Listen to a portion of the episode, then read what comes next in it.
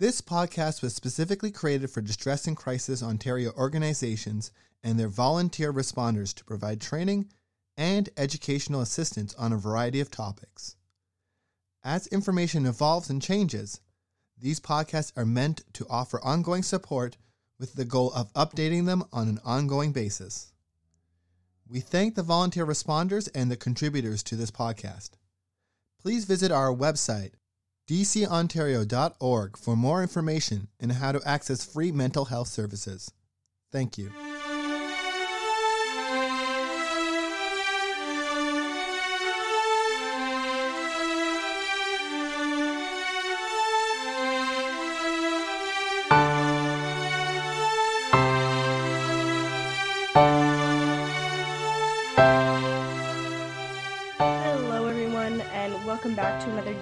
Discourse podcast.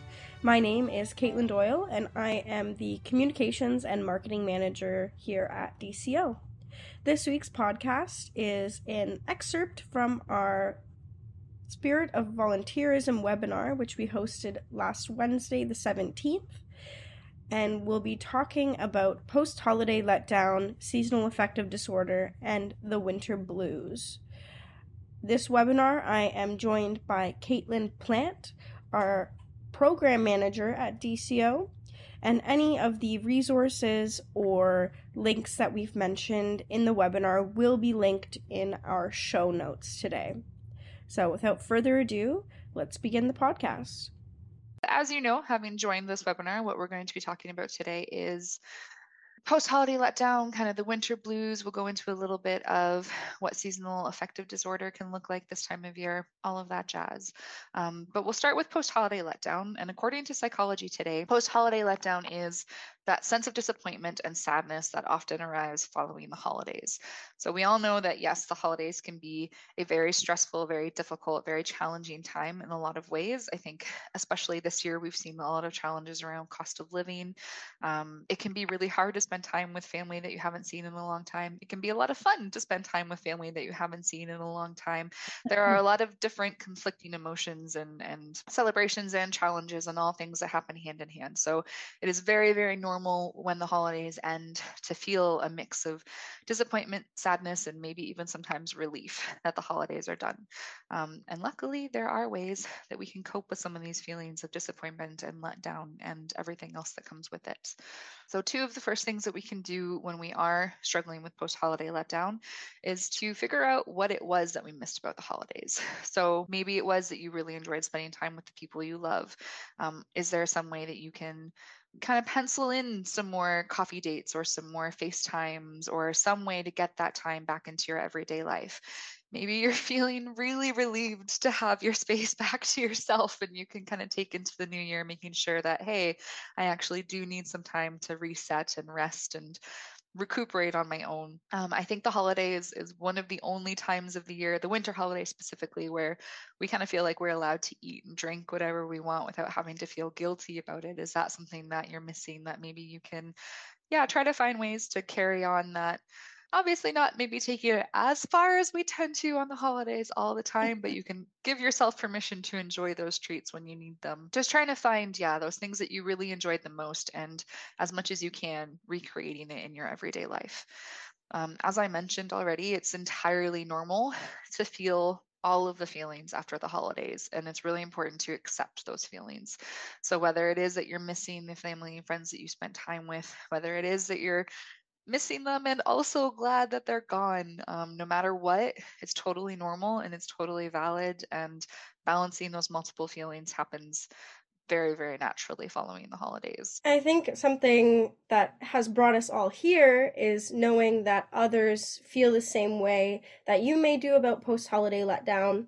Um, and even though we may not always talk about it openly, many people do struggle during and after the holidays. Uh, knowing that you're not alone in struggling can be very healing. Even just this nice meeting, knowing that there's, you know, how many of us are there? Six of us here today, ready and willing to talk about this is is really enlightening and it's really wonderful that we're creating this this community space. And if you can, try talking to a loved one about what you're facing, possibly even um, a colleague at work Uh, again, going to this next point, preparing for that return to work, maybe you can have a conversation with with people you're working with knowing that you're not alone in in feeling that possibly dread in returning to work especially if you had time off during the holidays. And not wanting the fun of the holidays to end is totally normal. No one wants a fun time to end. And so you're not going to hopefully feel alone in this struggle either especially if you create open forms of communication with one another and within your own communities and if you find, however, that you're still dreading getting out of bed for work after a week or two, um, you may want to consider that there might be something else going on in your life that you can reflect on. Um, especially now, we're coming, you know, I feel like we've been back for about a week and a half. So taking stock of how you're feeling is is really important as well some things that you can do as well make a list of things that you are looking forward to think that's a lot of the big excitement about the holidays is that you're looking forward to spending time with friends and family. And so, something that you may be feeling now is following that excitement of the holidays, you can feel like there is nothing else going on or no more events to look forward to. So, try to look ahead and make a list of all of the exciting things that are to come in the new year and if you are struggling to create that list of things that are coming in the new year, start by making a list of what makes you happy, content, or bringing meaning to your life. Um, and create, you could create your own events. Something that I do with my friends is we do tea nights, which are like a, a nice, lovely way to get together with one another um, and just spend that time chatting. And it's not very expensive. Um, we can show up in our sweatpants and and it's very casual and that's something that I look forward to and that's something that brings me joy. So creating those new traditions that don't necessarily have to revolve around the holidays. Uh, and then once again, if you do find that this post-holiday letdown persists well beyond the end of the holidays, you may be facing what we'll discuss next, which is the winter blues. The winter blues are often described as, yes, the sense of depression and fatigue felt during the winter months, really due to that the cold, the lack of light, the isolation that we often have when the weather is bad. Um, if you do have post holiday debt, that can really impact how much you can get up to in January, February, when you're already kind of feeling stuck at home, anyways, um, and many other things that can impact our, our mood. Um, according to the Canadian Mental Health Association, around 60% of Canadians report feeling at least some amount of the winter blues. Um, Mood Disorders of Canada does classify the winter blues as a much milder version of seasonal affective disorder, where most of the time, for most people, they can still continue with their daily activities, such as work and school and errands and all of those day to day things. Um, so while we all feel well, at least 60% of us feel it to some level. It's not interfering with the things that we need to do every day. Um, luckily, as with with uh, post holiday letdown, we do have a few tips for what we can do to manage those kind of lower moods. Um, a really big one is getting proper sleep. I think especially following the holidays, you can really be thrown out of whack with your sleep schedule. Um, the toddler that I have running around is three years old, and then I also have a 13 year old. So I kind of have both extremes of the spectrum. Um, the toddler got a little bit too comfortable sleeping in on the week that he had off and the 13 year old got a little bit too comfortable staying awake really late so she had a really hard time going back to school uh, the first day and she's old enough now that i can kind of be like you, did that to yourself, kid, but the toddler, I have to help a lot more. Um, so that's definitely something that I've noticed we need to do better with with the holidays moving forward. Um, of course, maintaining a healthy diet um, this can be a little bit more challenging during the winter, absolutely, especially when it's harder to get the fresh fruit and the fresh veggies. Um, sometimes it's something that needs to take some pre planning ahead, that maybe in the summertime you're really intentionally, actively freezing some of the fruits and veggies that you can get more easily then to then use in the winter when it's less likely to be um, available. Uh, and again, like we've talked about a little bit before, uh, at this point, the cost of living these days makes it just that much more challenging for people. Um, always getting outdoors during the daytime, especially on the rare sunny days that we have in the winter, is really important and it's really going to have a positive impact on our mood. Um, we know that this can be tricky on the colder days. Um, I mentioned in today's earlier webinar too, uh, where I am in Cambridge, which is in like the Waterloo region, we've had really bad winds the last couple of days, and it makes it really hard to enjoy being outside, even when it is sunny. Um, because especially as a glasses wearer, it seems no matter what I do, the wind just tunnels right around them and I end up crying and I can't see anything. And it's not very much fun to try to deal with that. Um, but when we can, when we can bundle up, when there's not anything stopping us, it's always good to get outside as much as we can and to incorporate physical activity into our daily routine. Um, so, whether that means you are able to bundle up and go for a walk, whether that means um, maybe you can get one of those trampolines that you can stick in your basement or in an out of the way place and bounce around for a little while. Um, maybe if you have small children like I do, it means spending a little bit of extra time literally just running around the house to get our energy out. Um, whatever we can do to get a little bit of a physical boost into our day is also going to help. And like I mentioned, uh, yeah, the numbers of, of Canadians that tend to move a little bit past the winter blues into more of the seasonal affective disorder is 2 to 3%. Um, so less than the amount that experience the winter blues.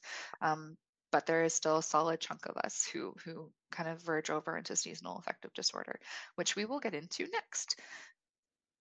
Sorry about that. My internet just uh, dropped out on me there for a second. Sorry, everyone but I think I'm back. Let me know if I need to go back and reiterate anything that I've said, or Caitlin, feel free to take over if I uh, freeze too long.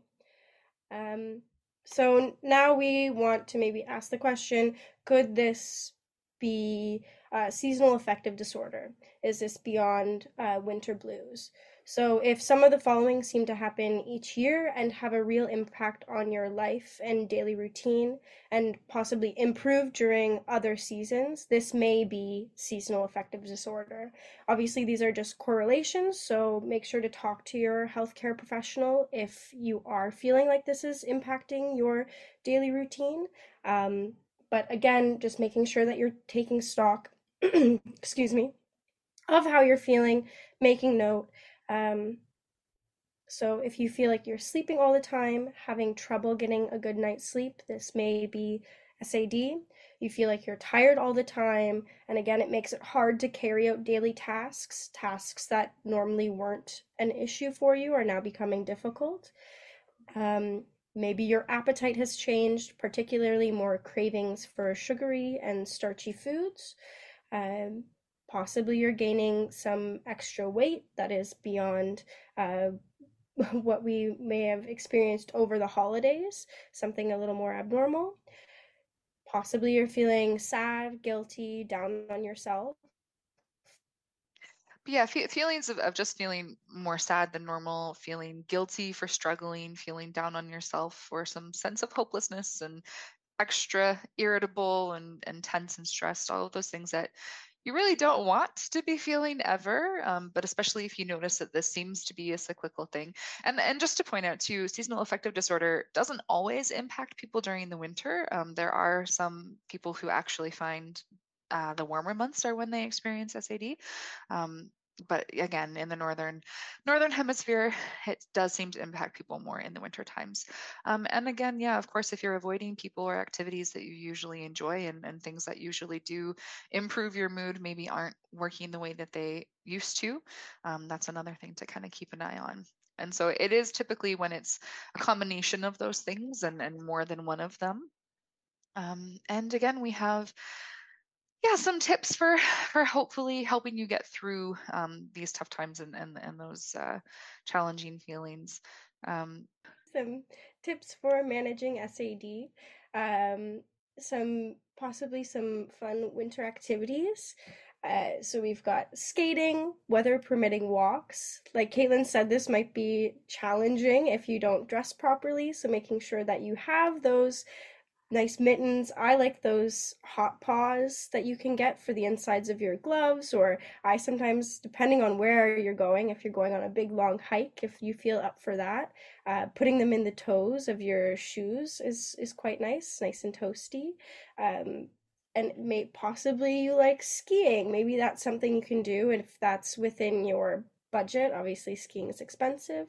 Um, but again, just a walk for a friend around the neighborhood is is sometimes nice. Like we're saying, winter is a beautiful visual thing that we can we can take in. Um, again, if you're not feeling like going up to outside, indoor workouts, dances, or meditation to boost serotonin levels. I know because I do them quite often on YouTube. There's a lot of fun dance workouts that you can do with a million and one playlists that you can follow. Uh, something that might be fun for you, or maybe it's fun to create a playlist for yourself and put on your favorite tunes as you um, even cleaning you can dance and clean at the same time. It is a it's might be a nice way to implement some some exercise to to boost those serotonin levels. And again another indoor activity you can use if it's too cold to go outside or you're just simply not feeling up to it uh, is calling or facetiming a friend again, that's something you can do while cleaning. You can call your friend, and you know, it feels sometimes like they're in the same space. You can chat with them about how you're feeling or just about your day. That I find that always helps me is talking to a friend. And again, keeping your curtains open during the day, getting that nice vitamin D uh, that we all need, especially in the winter time. Um, vitamins are expensive to go get at the store, so if we can soak it up through our windows, that is also a wonderful option. Yeah, so just like we mentioned before, getting in those nutrients and cooking a delicious meal, and it doesn't have to be a nutritious meal every time, but just your favorite thing to eat, reading your favorite book, watching your favorite shows or movies or YouTube creators or whatever form of content you enjoy the most. Um, getting creative, whether that's painting or drawing or knitting or crocheting or um, something that I am kind of rediscovering a joy of is those melting beads. I think they're called perler beads technically, but you can kind of create designs and iron them together and it creates like fun little coasters and things. Um, just anything that brings you joy um, that you can embed into your routine, um, even if that's only 5, 10, 15 minutes worth of time every day. Um, we know it's hard sometimes in the busyness of life to feel like you can justify scheduling in time for yourself, but it is really a necessity. And I think the phrase that comes to mind is that you, yeah, you can't pour from an empty cup. So it really is always important to make sure that you are taking care of yourself first too. Um, as as Caitlin already said, yeah, using the sunshine and foods and vitamins if you can get them to ensure that you are getting enough vitamin D and vitamin C and um, magnesium and all those good things that are going to help you keep functioning well. Maybe if you're not able to get enough sunlight, if you're not able to get um, what seems to be enough vitamin D, using a light therapy device. Um, these have the same uh, effect on your body as direct sunlight would. It kind of tricks your brain into releasing the same hormones. Um, and yeah, if, if you can't afford one of those, if you don't have uh, the way to spend as much time outdoors as you would like to, just trying to move furniture around so that you are sitting near a window more. If it's possible to take your computer somewhere else for a little while so you're facing a window, um, all those kinds of things. Exercising indoors, but by a window, um, everything that you can to, yeah, just get yourself as much sunlight as possible. Um, of course, sometimes you're going to do your best to do all of these things and it still might not help you feel better. Um, and if that's the case, it might be worth talking to a mental health or a health professional, doctor, about uh, if medication would be right for you. Um, and of course, we all know that there's a lot of stigma around medication still. Um, there shouldn't be. There's absolutely no shame in asking for help in that way. Um, maybe you are someone that only struggles with seasonal affective disorder and you just need to take it in the wintertime time to help you get through those colder months, and that's absolutely okay.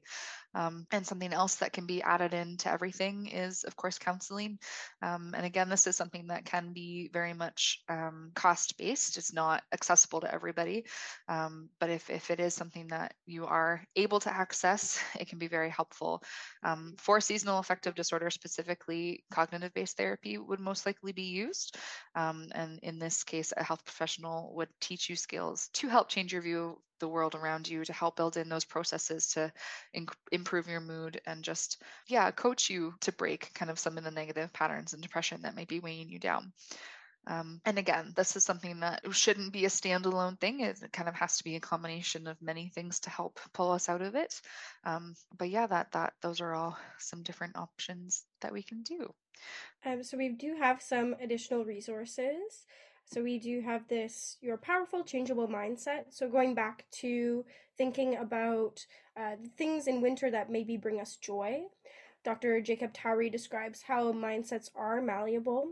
And so, by actively changing the way you think about the cold, your body and mind may respond more positively.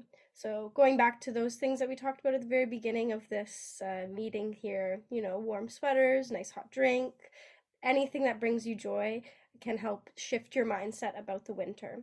And then we also have, if you need some help and some tips on uh, some mindset shifts, we've got 10 cool ways to beat winter blues and then 30 self care ideas for winter. And again, if you have any questions or you want to take a deeper look at any of the information that we've provided today, these are all of our references, so you can take a look at those and um, read what they have to say as well. We'll provide you with a little more detail if you need. And that brings us to the end of our presentation today. Thank you so much for joining us this week and choosing to listen to our podcast. Once again, any of the resources or sources that have been mentioned will be linked in our show notes should you have any further questions about the information mentioned today. Thank you all again.